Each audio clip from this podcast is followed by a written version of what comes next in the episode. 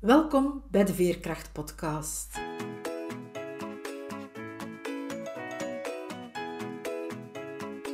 Ik ben Veerle Schaltien, levensverhalen en schrijfcoach. Met mijn bedrijf Wiebelwoorden trek ik voluit de kaart van veerkracht. Voor deze podcastreeks interview ik veerkrachtige vrouwen. Het zijn vrouwen zoals jij en ik, die soms wel eens het hoofd laten hangen maar die er vooral telkens opnieuw in slagen weer overeind te krabbelen, die telkens opnieuw de moed hebben om door te gaan, die ondanks alles ten volle in het leven staan en elke dag waardevol weten te maken. Hoe ze dat doen, vertellen ze je heel openhartig. Luister, snoep van hun woorden en laat je inspireren door hun verhalen, want als zij het kunnen, kan jij het ook. Dag Sigrid, welkom. Dag Veerle. Hmm. Ik heb jou eigenlijk via via leren kennen. Jij biedt workshops verbindende communicatie aan en ik was daarin geïnteresseerd en zo heb ik met jou contact opgenomen. Mm Maar kan jij jezelf eens wat uitgebreider voorstellen? Ja, ik heb daar wat over nagedacht, over de vraag wie ben ik? Mijn naam is alvast Sigrid Willemsen en ik ben eigenlijk, een deel van mij is mama, een deel van mij is vrouw, een deel van mij is dochter en een deel van mijn vriendin en, en gewoon Sigrid, ik. En wat ik doe in het dagelijks leven, dat is mensen een stuk informeren over verbindende communicatie, maar meer dan dan nog, het gaat over het, ja, het verbindende communicatiegedachtegoed integreren in, in het leven, omdat dat zoveel, ja, uiteraard verbinding kan brengen maar ook heel veel zelfinzicht, andere omgang met, met elkaar, meer vanuit een, een, een houding van, van liefde. Ik denk dat dat zo'n groot sleutelwoord is doorheen mijn wie ik ben. Dat is dat ik echt geloof in de liefde tussen iedereen en tussen alles. Zo mooi. We hebben daar in de wereld ook veel nood aan, hè, aan liefde. Absoluut, absoluut ja, mijn hart breekt regelmatig wanneer ik mensen hoor praten over andere mensen of mensen hoor praten tegen mij of, of dingen die ik lees, die ik zie en hoor, die, ja, waarbij ik dan regelmatig zoiets heb van, oh, het, het, kan, het kan ook zo mooi zijn. En als we elk ons eigen aandeel kunnen zien in wat dat er gebeurt en, en, en concreet in onze communicatie, dan is er zoveel meer mogelijk dan dat we eigenlijk denken dat er mogelijk is ik heb zo het gevoel van veel mensen die praten maar op en staan eigenlijk niet stil bij wat hun woorden teweeg brengen. Ja. ja, ja. Enerzijds de communicatie over anderen hè, of naar anderen toe. En, en wellicht ook de communicatie naar zichzelf. Hè. Hoe praten ze met zichzelf? Hoe praten we met onszelf? Hè? Ik mag mezelf daar ook uh, bij rekenen, absoluut. Hè. En we zijn ons niet zo danig bewust dat onze woorden anders kunnen binnenkomen dan dat ze bedoeld zijn.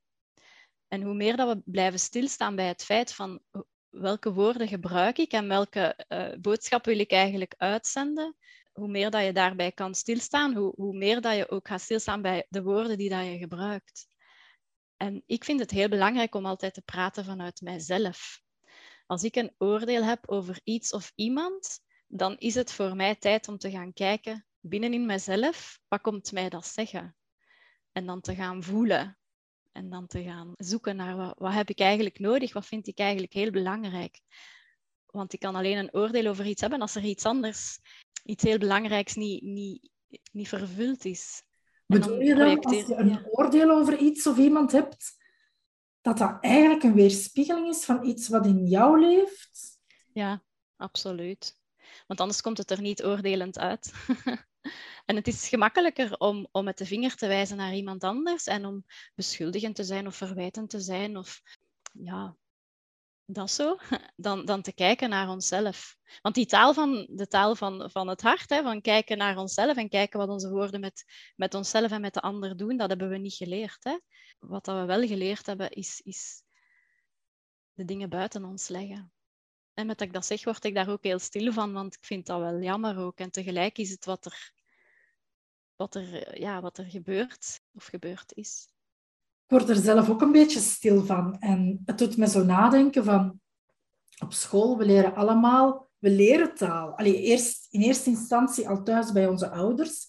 Maar dan op school leren we de, ja, alle nuances van de taal, behalve eigenlijk echte gevoelsnuances en wat die taal met een ander doet als je die gebruikt. We hebben zeker op school niet geleerd hoe het is om om te gaan met, met gevoelens. We hebben niet leren voelen. Allee, leren voelen, eigenlijk als kinderen die kunnen dat wel nog heel goed. Hè? Die voelen en die uiten meteen wat ze, wat ze te uiten hebben. Die gaan niks opkroppen. Tenzij dat ze al zoveel dingen in hun leven hebben meegemaakt waardoor ze de schrik hebben gekregen om hun gevoelens te uiten. Hè? Maar op zich is dat een staat van zijn die we wel hebben en waar dat we wel terug naartoe kunnen gaan. Alleen hebben we dat nog niet geleerd. En hoe mooi is het als je bij jezelf kan stilstaan en kan gaan voelen in je lichaam wat dat er aan de hand is, of wat dat er beweegt, of wat dat er... Heb je een krop in je keel, of heb je een, een, een steen in je maag, of heb je zwetende handen of knikkende knieën? Dat zijn allemaal lichaamssignalen die, die iets aangeven. En ik vind het heel bijzonder om daar te kunnen bij blijven stilstaan, want ik leer daar heel veel uit.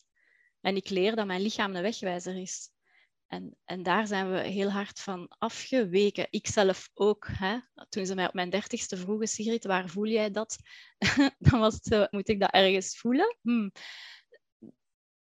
Ergens op een bepaalde manier afgesneden van, van mijn eigen gevoel. En hoe mooi de zoektocht terug naar mijzelf is geweest die voorbije tien jaar. Door te gaan voelen. Het valt mij op als je het over dat gevoel hebt. Je, je praat over een, een, krop in de keel, knikkende knieën. Dat zijn eigenlijk wel ja, uitspraken, gezegdes bijna in onze taal. Dus onze taal leent zich daar wel toe om te reflecteren over onze gevoelens. Hè? Om onze gevoelens uit te drukken, ik zal het zo zeggen. Ja, en dat zijn zegswijzes en uitdrukkingen die, die, die al redelijk oud zijn ook. Hè? Dat, dat is niet, niet iets nieuws. Zo waardoor ik afleid dat, dat het wel degelijk er wel is, maar dat we er niet altijd zo'n contact uh, mee hebben. En ook met de lichamelijke sensaties die erbij echt uh, komen kijken. Zo. En, en eh, waar verbindende communicatie mij bij helpt, is om daar een, een ander soort taal aan te geven. Hè? Want de woordenschat die, die gaat over gevoelens en behoeften, dat is niet de woordenschat die, die, die zomaar eigen is. Ik merk dat ook in workshops, wanneer mensen het kaartje krijgen waar gevoelens en behoeften op staan, dan, dan eh, staan ze versteld van de rijk, rijkdom eigenlijk van, van, het, van, de aantal, van het aantal woorden dat daar op vermeld staat. Zo, hoeveel nuances dat er ook zijn in gevoelens. Hè. De, de vier belangrijkste of de vier meest gekende, die kennen we wel. Hè. Blij, bang, boos, bedroefd en... Ik ben de vierde even kwijt. Blij, bang, boos, bedroefd. Ah, ik heb er vier. die kennen we wel, maar de nuances daarin. En daar kan eigenlijk ook een heel groot verschil in liggen wanneer dat je met iemand communiceert. Ik merk het ook als ik mijn eigen workshops geef en mensen schrijven over gevoelens. Ze gaan heel vaak zeggen van toen was ik gelukkig of toen was ik verdrietig. Maar dat zegt niet zoveel. Dus ik nodig hen altijd uit om te, naar hun lichaam te gaan en te voelen van waar in hun lichaam dat ze dan dat geluk of dat verdriet voelen. En ik merk inderdaad dat dat voor heel veel mensen heel moeilijk is.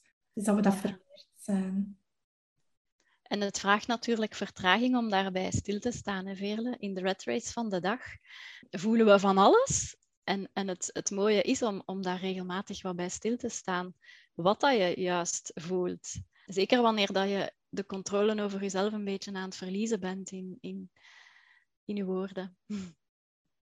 Is het zo interessant om wel te gaan kijken naar wat dat er leeft. En dan vraagt dat ergens wel vertraging. Maar de tijd die we daarin steken, is misschien wel veel korter dan het gaan herstellen van hetgeen dat we gezegd hebben wat we eigenlijk niet zo bedoelden, maar er wel anders uitkwam.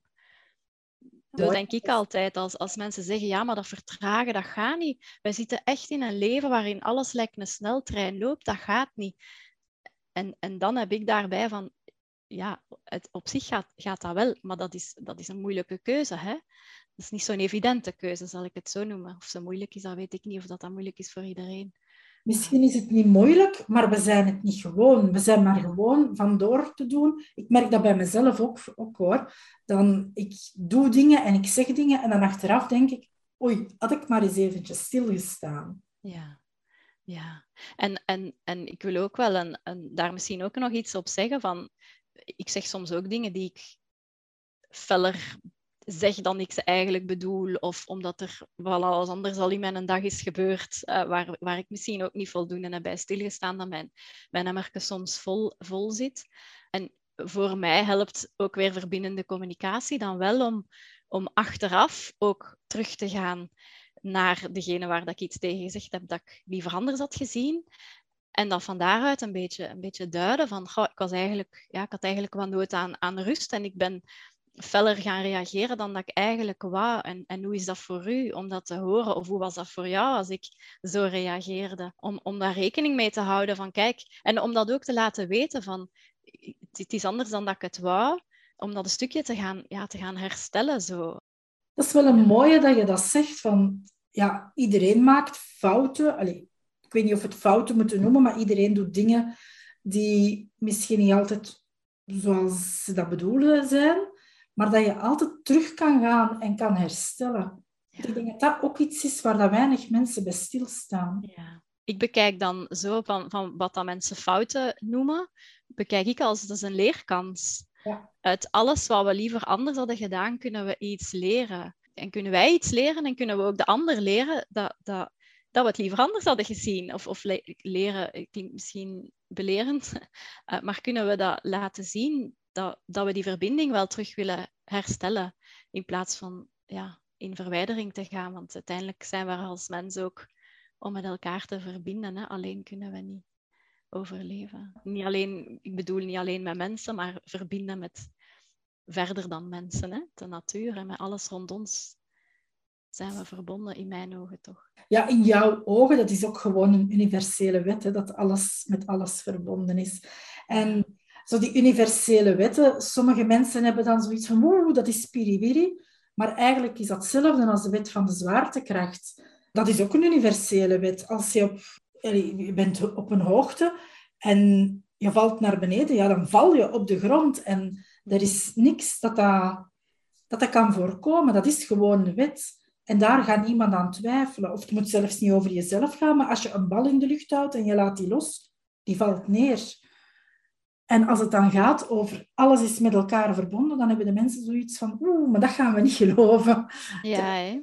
Een gelijkaardige wet gewoon is. Hè? Ik filosofeer daar ook wel, wel graag wat over. Wat ik, wat, wat ik ook eh, belangrijk vind in alles is met alles verbonden. En ik ben ook verbonden met iedereen. Ik ben nu verbonden met jou.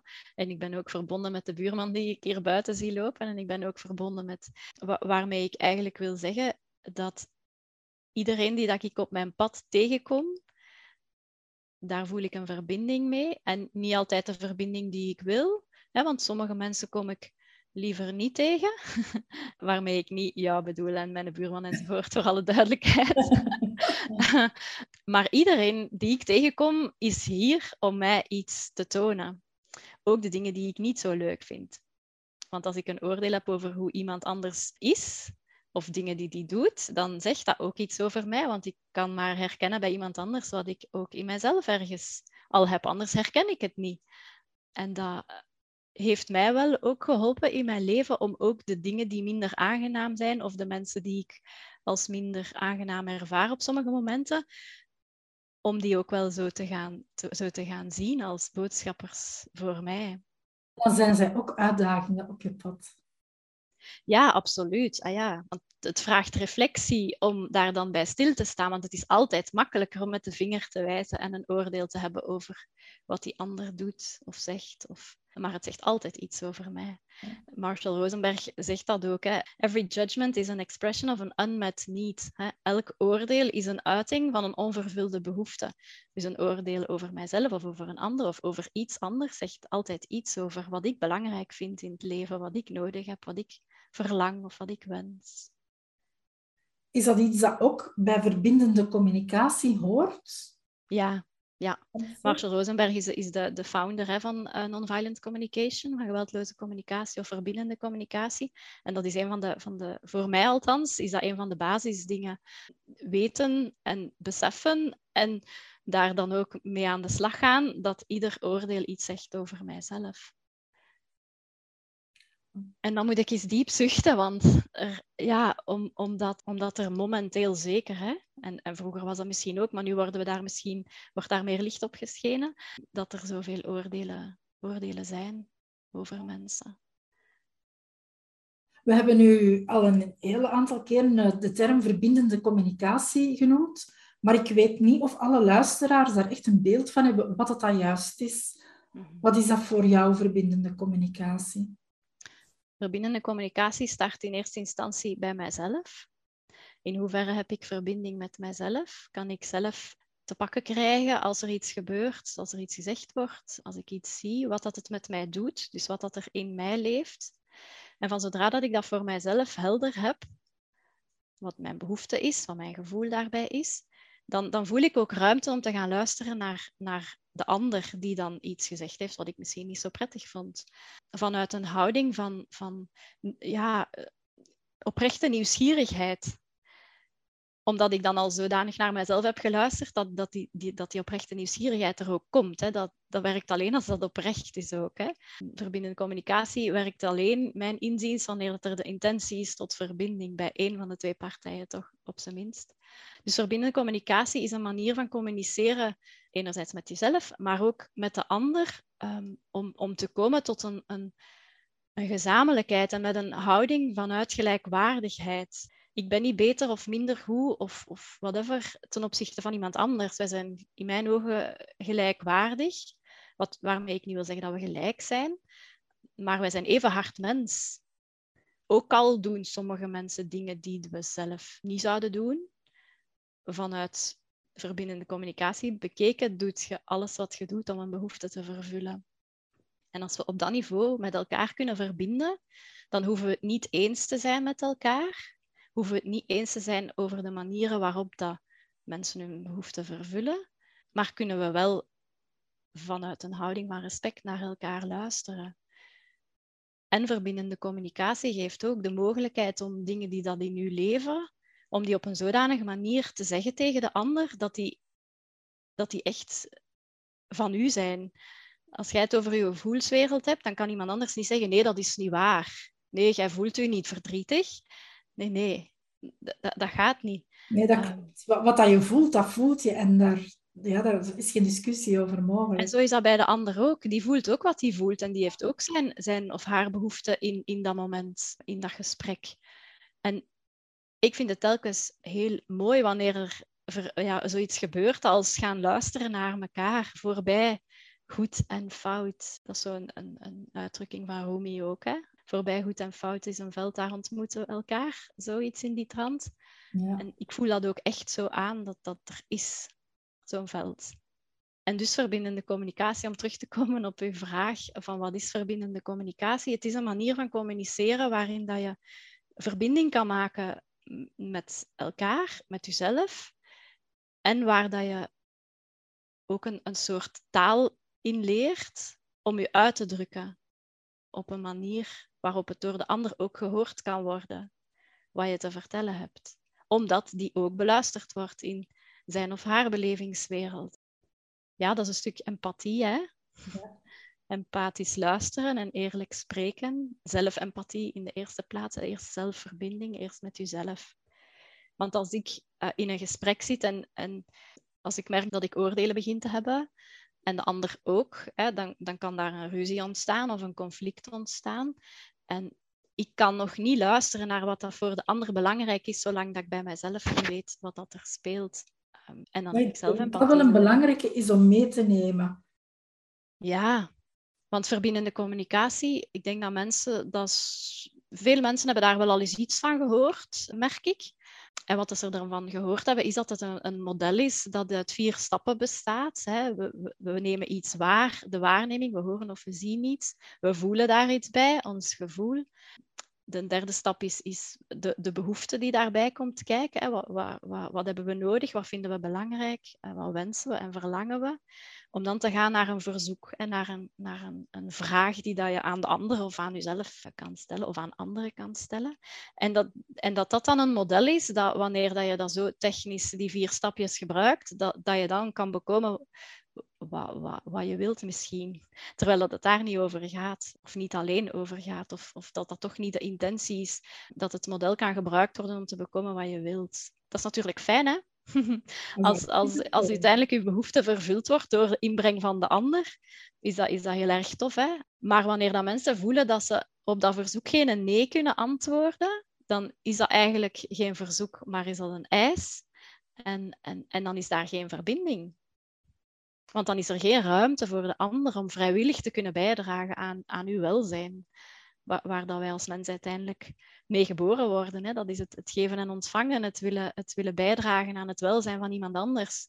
Als dat vanuit een vrije keuze kan gebeuren. En ik vind, ik vind dat laatste wat ik gezegd heb een heel belangrijk iets wanneer verbindende communicatie gedeeld wordt. Dat dat dat dat een van de basisdingen is waar, waar Marshall het, uh, het over had ook, of, of het, het model heeft ontwikkeld. En ik zeg ook altijd dat het niet enkel een model is, maar een manier van in het leven staan. Ja, dat geloof ik ook. Als ik hoor wat dat je allemaal zegt, dat is niet zoiets van, nu ga ik dat eens een keer toepassen. En, en straks niet meer. Dat, dat is iets dat je met veel oefenen waarschijnlijk je eigen kan maken, waardoor dat het inderdaad een, een manier van leven wordt. Ja, en het wordt, het wordt enerzijds een manier van leven, omdat je steeds, uh, ja, je krijgt elke dag zoveel oefenkansen. en ik lach daarbij, omdat ik ook elke dag heel veel oefenkansen krijg. In een gezin met, met kleine kinderen en, en een partner zijn er gewoon altijd oefenkansen.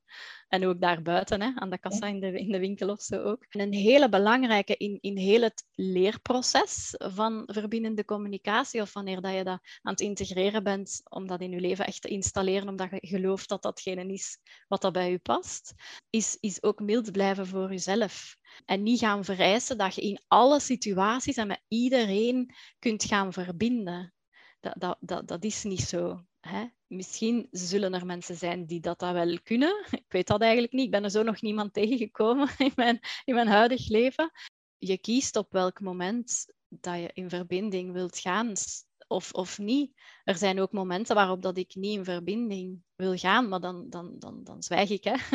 Dan ga ik niet uh, ineens beginnen roepen en tieren of zo. Hè. Maar dat, dat, is, dat is ook dicht bij jezelf blijven. Wil ik verbinding of niet? En voor de ander dan, iemand die, die met jou wel verbinding wil en jij wil op dat moment geen verbinding, daar kan verbindende communicatie helpen om ook dan dicht bij zichzelf te blijven en niet in een slachtofferrol te, te, schieten of in allee, boos te worden, ik weet niet hoe. Ja, ja. Om, om, omdat je met de, de, deze taal hè, ook kan uitdrukken waar waar, waar uw grenzen liggen ook.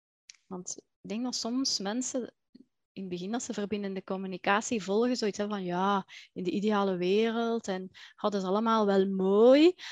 En uiteindelijk gaat het niet over het is allemaal wel mooi, want het gaat over oprecht eerlijk zijn en ook uw grenzen aangeven en niet eh, alleen vanuit het voor alles en iedereen mededogen hebben, en daardoor over je grenzen laten gaan, daar gaat het niet over. Hè? Het, het, gaat juist over heel dicht bij jezelf blijven en, en je grenzen aangeven. En dat is ook iets wat veel mensen niet geleerd hebben. Ik ook niet, hè? anders was ik ook niet tegen grenzen aangebotst in mijn leven. Hè? Dat heb ik ook mogen leren. En als je een grens kan aangeven vanuit, vanuit jezelf, dan zegt dat ook niks over de ander. Maar daarin hebben mensen vaak de neiging om de dingen persoonlijk te nemen. Ikzelf ook, hè. En dan mag ik gaan, gaan, gaan onderzoeken, wat wil dat hier zeggen over mij? Wat wil dat zeggen over wat dat ik nodig heb, wat ik belangrijk vind? Hmm. Ja, mooi. Ik herinner mij, in, we hebben ook een voorgesprek gedaan hè, om dit mm voor, voor te bereiden.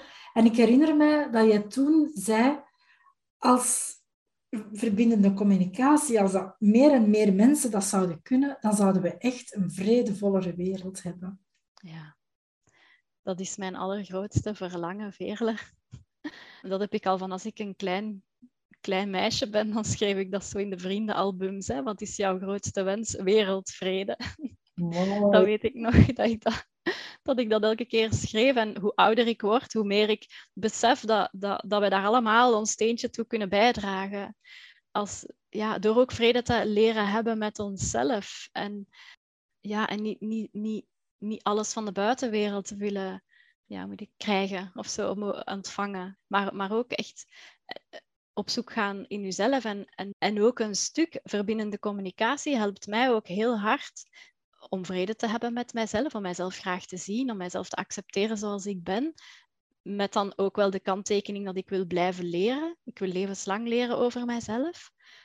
Heel graag. En hoe meer ik mij daarin oefen, hoe, hoe meer ik ook gesprekken heb met mensen die ja, op, op een, een of andere manier diep, diepgaand zijn. En waar ik ook mijn stukje vrede kan, kan planten, kan zaaien. Een of andere inspiratie zijn, zonder dat te willen zijn, maar gewoon door te zijn wie ik ben. En door te praten hoe ik praat. Ja, ik geloof, ik geloof dat we dat ergens wel, wel kunnen. Ja. Vrede, vrede stichten. En dat kan misschien idealistisch klinken, maar aangezien het dan mijn wens is van als ik een kleine meid ben, ben ik er daarvoor hier in dit leven. Hè? Ja, zeker wel, ja. ja. En ik voel ook wel dat, dat veel mensen dat willen, maar vaak weten ze niet waar te beginnen. Ja. En jij hebt jouw ingang gevonden in die verbindende communicatie. Hè? Ja. ja, voor mij heeft dat een, een heel grote dat is life-changing geweest eigenlijk. Life-changing en niet, hè, want uiteindelijk zat het er wel ooit. Hè? Alleen is het door het, het, het gewone verhaal van studeren en huisje, tuintje, boompje, kindje en, en, en gaan meestappen in de red race van de wereld, ben ik, ben ik een stuk daarvan verloren geraakt. En het is dan wel heel fijn om, om na zoveel jaren dat stuk terug op te, op te vissen. Uh, want het zit allemaal in ons. Alleen hebben we het te, te, vinden en te ontdekken. Te ontdekken. Hè? Ja. ja. Hoe is het eigenlijk opnieuw op jouw pad gekomen? Ik vond de relatie met mijn jongste zoon, die toen vier jaar was, niet de man of, of, de manier waarop dat wij met elkaar omgingen, of ik met hem dan vooral, uh, niet de manier waarop ik het wou. Wij gingen vaak in strijd, omdat ik ja, het systeem van belonen en straffen had geleerd. Straffen niet als in lijfstraffen voor alle duidelijkheid, maar wel van als je niet luistert, dan ga je in de hoek staan. Zo die dingen. En ik merkte dat dat totaal niet werkte bij hem. En dan ben ik zo wel op zoek gegaan hè, naar, naar manieren om het anders aan te pakken. En een van de manieren was dan ja, een, kennismaking met verbindende communicatie en, en, en terug die toegang te krijgen tot mijn gevoelswereld. En en de toegang te krijgen tot ik, ik hoef niet altijd te begrijpen wat hij of iemand hè, doet, maar ik kan er wel begrip voor hebben. En dat kon ik vroeger niet. Ik had vroeger ook veel oordelen over alles en iedereen. En eh, om terug te komen op, op mijn relatie met mijn jongste zoon, die, dat is wel heel, heel veranderd. Waarin dat wij wel nog steeds op bepaalde manieren botsen. Hij is mijn grootste spiegel. we kunnen wel luisteren naar elkaar. En hij zelfs naar mij. Hè. De manneken is negen jaar. Hè. Ik, ik, ik zie ook door de manier waarop dat mijn kinderen praten, zowel tegen mij als tegen andere mensen, dat ze echt wel ook een, een, een wereld hebben leren kennen. Of, of, een, of een taal hebben leren kennen om zich, om zich uit te drukken, om op te komen voor zichzelf. En ik denk dat dat ook een van de dingen is die ik geleerd heb uit verbindende communicatie. Dat is leren opkomen voor mijzelf wat vind ik belangrijk? Opkomen voor mijzelf, eh, met rekening houdende met, met, met de ander ook. Hè? Dus niet, ik ben hier nu en we, we, hè? het moet hier zijn zoals ik dat wil. Hè? Helemaal niet. Maar zo ben ik daar terug mee in contact gekomen, want voor, voor mij is verbindende communicatie ook toegepaste spiritualiteit. En toen ik dat pas leerde kennen, was ik ook aan het lezen in een boek eh, van de Dalai Lama, De kunst van het geluk. En, en ik was ervan versteld van, oh, wat ik lees in, dit boek, dat wordt eigenlijk toegepast in verbindende communicatie. Dat vond ik een hele mooie... Ik was daar heel blij mee om dat te ontdekken. Want spiritualiteit was iets waar ik vroeger ook veel mee was bezig geweest als jongere. Met jeugdspiritualiteit dan, of in het Centrum voor Jeugdspiritualiteit. Dus die dingen kwamen, kwamen terug. En dat is helemaal terug tot leven gekomen. Dus ik ben en mijn jongste zoon, alleen mijn twee kinderen, hè, heel dankbaar. En, en verbindende communicatie. En ja, en uiteindelijk ook de, de grenzen waartegen ik aan ben gebotst in mijn leven, de burn-outs die ik heb doorge, doorge hoe zeg je dat? Doorge, doorgemaakt. Door, meegemaakt, doorgesparteld, ben ik eigenlijk wel heel erg dankbaar. Want dat maakt dat ik nu kan werken aan mijn levensmissie. Hè? Ja. Een vredevollere wereld. Ja, zo'n dingen zoals een burn-out, mensen hebben dat uiteraard niet graag. Als je dat in de winkel kon kopen tussen heel veel andere dingen, dan ga je dan nooit in je, in je karretje leggen. Nee. Maar als je zoiets meemaakt, het is heel vaak wel een stap naar groei hè, en naar echt verandering in je leven. Hè. Ja, absoluut. dat ook bij de mensen die bij mij hun levensverhaal komen schrijven. Er zijn erbij die toch wel serieus heftige dingen meegemaakt hebben. Maar bij iedereen is dat eigenlijk echt de, de poort naar, naar groei geweest. Ja, hè? Het, het leven toont u op uw weg wat, wat, wat, je, wat je moogt leren. Hè? Het leven is, is niet altijd lief voor u, maar het leven is wel, is wel ehm, nee, hoe zeg je dat? Het Ja, leven heeft u wel lief. wel Ja. lief, omdat Ja, het die leerkans eh, biedt. Hè. Ja, absoluut. Want dat komt niet zomaar. Hè. Ik geloof ook dat de dingen die mij overkomen, dat die mij iets komen brengen. En uit Burnout 1 zal ik wellicht al dingen hebben geleerd, maar nog niet voldoende, waardoor Burnout 2 enkele jaren later ook eh, aan de deur klopte. En ja, veel mensen zeggen dat ook, denk ik, hè, dat, dat, dat zo'n burn-out een, een, ja, een, een soort spirituele ontwaking is. Of een, of een, ik ga mijn leven vanaf nu anders aanpakken. Het geeft altijd wel een of andere leerkans. Net, net als eender welke andere dingen die je meemaakt in je leven. Hè, ziektes die je krijgt of situaties die je meemaakt waar, waar je niet om gevraagd hebt. Hè. Niemand vraagt om, om, om zo'n situaties. Ehm, maar het leven brengt, heeft mij althans wel op mijn pad teruggebracht door die burn-outs. Als we terug naar verbindende communicatie gaan, ja, die, die zijn t- tijdens of na die burn-out, is dat eh, terug in je leven gekomen, denk ik. Hè? Ja. Draagt dat dan bij aan jouw veerkracht? Absoluut, absoluut. Want wanneer ik nu iets meemaak dat mij uit balans brengt, kan ik zelf op zoek naar wat komt het mij vertellen? Wat leeft er in mij? Wat voel ik? Wat heb ik nodig? Wat vind ik belangrijk? Waar verlang ik naar? En ik merk dat door zo'n proces te lopen, en dat doe ik dan wel vaak aan de hand van die vier stappen van verbindende communicatie, er brengt mij iets van de wijs. Wat is dat dan? Dat concreet en feitelijk krijgen. Wat voel ik daarbij? En door stil te staan bij mijn gevoel en daar geen gedachten aan gaan toe te voegen, waardoor dat, dat gevoel versterkt wordt. Dus echt door puur en alleen stil te staan bij dat gevoel, die tranen laten lopen, die boosheid er laten zijn, eventueel buiten in, de nof een beetje gaan, eh, gaan, weet ik veel, op de grond kloppen of whatever. Om, om die gevoelens er de ruimte te geven om ze er, laat, er te laten zijn, kom ik automatisch bijna tot mijn behoefte, hè, die derde stap.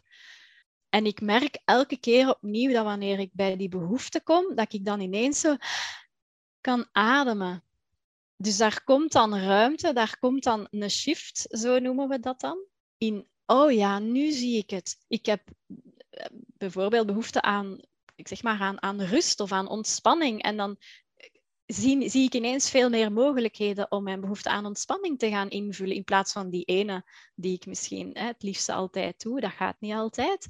En hoe rijk dat leven dan eigenlijk kan zijn. Dus bij mij, ja, veerkracht, dat is bijna terug die veer die, die, die op en neer gaat springen van contentement, van te vinden van, oh, het is dat. En, ja, of, en, en ook doorheen heel, heel het proces, het, ja, het gaan gaan zien dat ik mild mag zijn voor mijzelf ook, waardoor dat die veer ook minder hard gespannen komt te staan met momenten. Dus ja, mij helpt dat enorm met mijn veerkracht. En waar ik ook wil uh, even op, op benadrukken, is dat ik dat ook niet altijd allemaal alleen doe. Ik heb wel zo wat uh, vriendinnen of mensen waar ik naar kan bellen om empathie te vragen, om mij een stuk te helpen bij het hervinden van mijn veerkracht, bij het hervinden van mijn, van mijn kracht eigenlijk. Want die kracht hebben we allemaal. Hè. Dat is niet alleen doordat je veel uh, een VC en nonviolent communication beoefent. Het is niet alleen dan dat je, dat je kracht hebt. Hè. Uh, iedereen heeft dat. Hè. En ik sta er toch van versteld hoe, hoeveel veerkracht men heeft.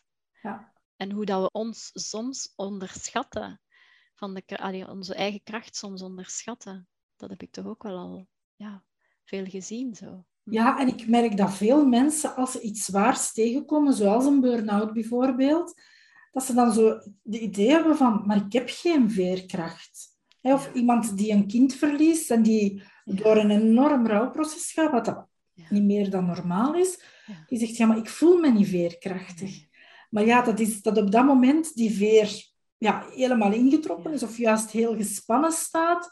En je hebt niet altijd meteen de, de kracht om, mag, ja. om aan te veranderen. Maar dat is ook een normaal proces, hè? Ja, je mag dat ook niet van jezelf verlangen. Hè? Want hoeveel rouw vraagt het niet om, om zoiets te boven te komen. Hè? En, en nu heb je het over zo'n situatie waarin dat, hè, het gaat over, over rouwen en, en hoe belangrijk het is om stil te staan bij, bij het verdriet dat bij zulke situaties komen kijken of komt kijken en dan niet weg te moffelen. Of niet na een jaar te zeggen, nu moest ik er toch wel al over zijn. Of whatever. Dat is, dat is niet zo. Dat verdriet is er omdat dat er is en omdat dat gehoord en gezien en geschreid wilt worden. Elke keer wanneer het, wanneer het er komt. Ja, ik geloof dat bij zo'n dingen, wanneer er veel verdriet of boosheid of whatever, de gevoelens die er allemaal zijn, verontwaardigingen enzovoort, dat het zo belangrijk is om, om daarnaar te luisteren. Of, of ook om ondersteuning te vragen, dat iemand luistert naar, naar wat dat er in u leeft. En empathisch gaan luisteren dan bedoel ik. Hè? Niet met, met allerlei tips en advies aankomen, wat, wat soms ook heel helpend kan zijn als je dat nodig hebt. Maar het, het luisteren naar elkaar, om, om, om het leed misschien niet altijd helemaal alleen te hoeven dragen. Ja, zo dat, ja. dat kan niet weggenomen worden, maar dat kan wel een stukje meegedragen worden. Hè? Ja, ja, ja. Die dingen die we meemaken in ons leven, die, die kunnen zo soms deuken nalaten. En, en tegelijk zijn dat ook dingen waar we achteraf, na, nadat we door, door die rouw zijn gegaan, of, of ik weet niet of dat, dat überhaupt ooit gedaan is, rouw, maar er zitten ook heel vaak mooie dingen in verscholen. En ik persoonlijk vind het heel belangrijk om heel regelmatig dankbaar te zijn voor de dingen die ik heb. Ik heb jou in mijn eerste, of in ons kennismakingsgesprek ook uh, verteld over over, over uh, mijn lieve wijze vriend die sinds een jaar overleden is. En ik vond daar straks een, een stukje terug van iets wat ik heb opgeschreven toen ik met hem in gesprek was. En daar zei hij zo van, ja, het is zo belangrijk dat mensen leren content te zijn met wat dat je hebt. En, en, en dat, dat, dat, dat echt concreet gaan, daarbij gaan blijven stilstaan bij waar ben ik dankbaar voor vind dat een hele... Ik doe dat al langer, hè. Met mijn kinderen ook. Als die gaan slapen, dan doen we een rondje. Waar ben je dankbaar voor vandaag? En dat gaat dan over het eten was lekker. Of, of het zonnetje scheen. Of, oh ja, of dit momentje, mama. En omgekeerd ook. Hè. Ik vertel dan ook, dan vraag ze waarom ben jij dankbaar, mama? En hoe dat we elkaar dan kunnen inspireren ook over, oh ja, dat was ik nog vergeten. Ja, daar ben ik ook dankbaar voor. Ik vind dat zo belangrijk dat we dat kunnen zien ook. Ik raad mijn cursisten ook altijd aan van s'avonds een tiental dingen op te schrijven waar ze dankbaar voor zijn.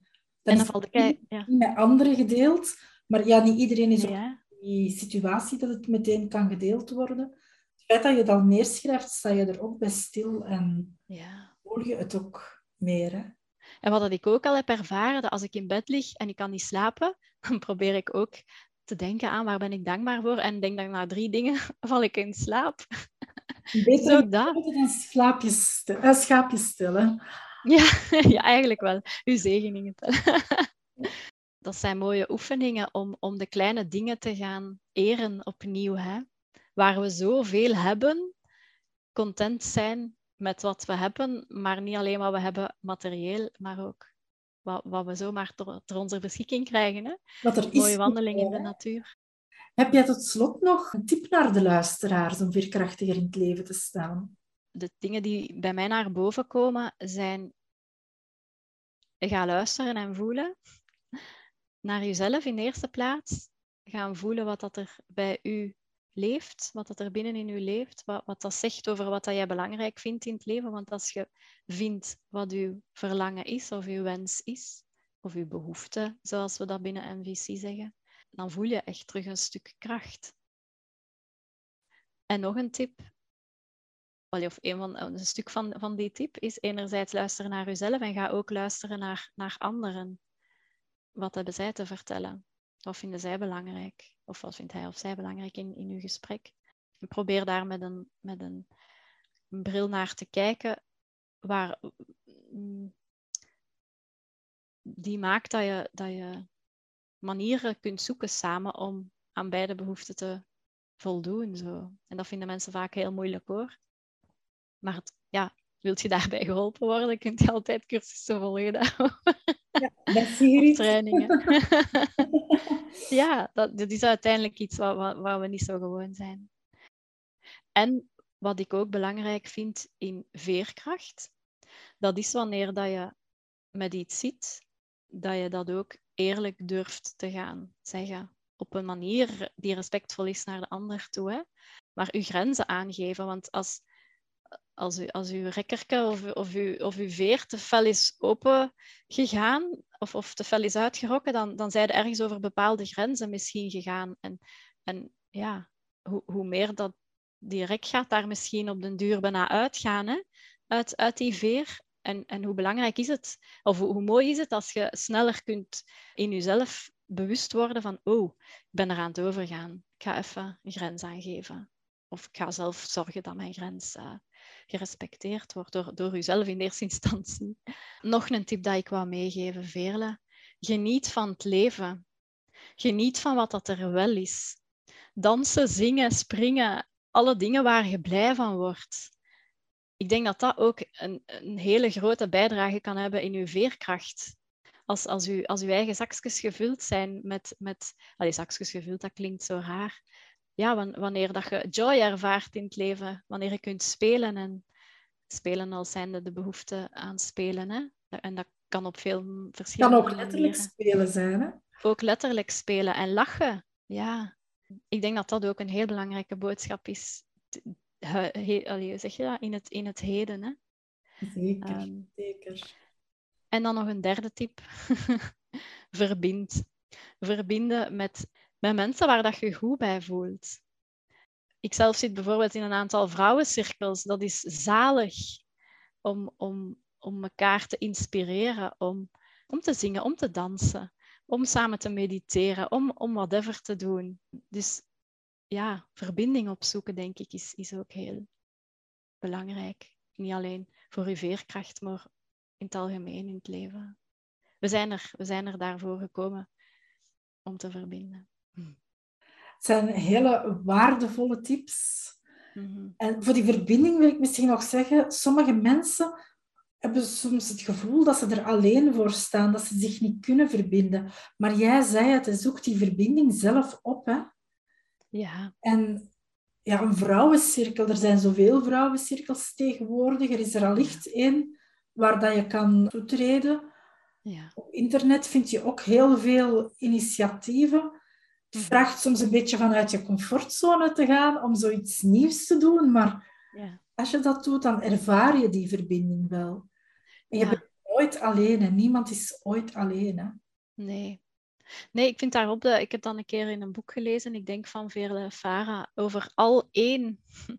Alleen, hè? al één. We zijn met z'n allen één. En, en, en tegelijk heb ik ook van mijn, van mijn wijze vriend vroeger geleerd van op een bepaalde manier ben je ergens wel alleen, maar je kan je wel gaan verbinden met anderen en, en met het andere, waarmee ik niet alleen bedoel een stuk spiritualiteit, maar ook de natuur en een dier. En eh, ja, ook die dingen kunnen zorgen voor verbinding. Hè? Sowieso. Dus morgens maar als eerste uit mijn bed komen en iedereen slaapt nog. Maar ik kom dan in de woonkamer en de poes is daar en direct een knuffel en je voelt je verbonden gewoon. Hè? Echt, hè? Ja, dat heb ik ook. de kat die dan rond benen komt totdat ik ze oppak. En dan begint ze meteen te spinnen. Heerlijk, hè? Ja. Met deze zalige woorden wil ik misschien dit interview afsluiten. Heel erg bedankt voor ja, dit inspirerende gesprek. Ik ben er zeker van dat heel veel andere vrouwen ook geïnspireerd zullen zijn. Als ze meer over verbindende communicatie willen weten, dan kunnen ze bij jou terecht. Hè? Ik mhm. ga onder de podcast, daar is altijd een begeleidend tekstje bij, en daar ga ik ook jouw gegevens in vermelden. Dus dan kunnen ze contact met je opnemen. Absoluut.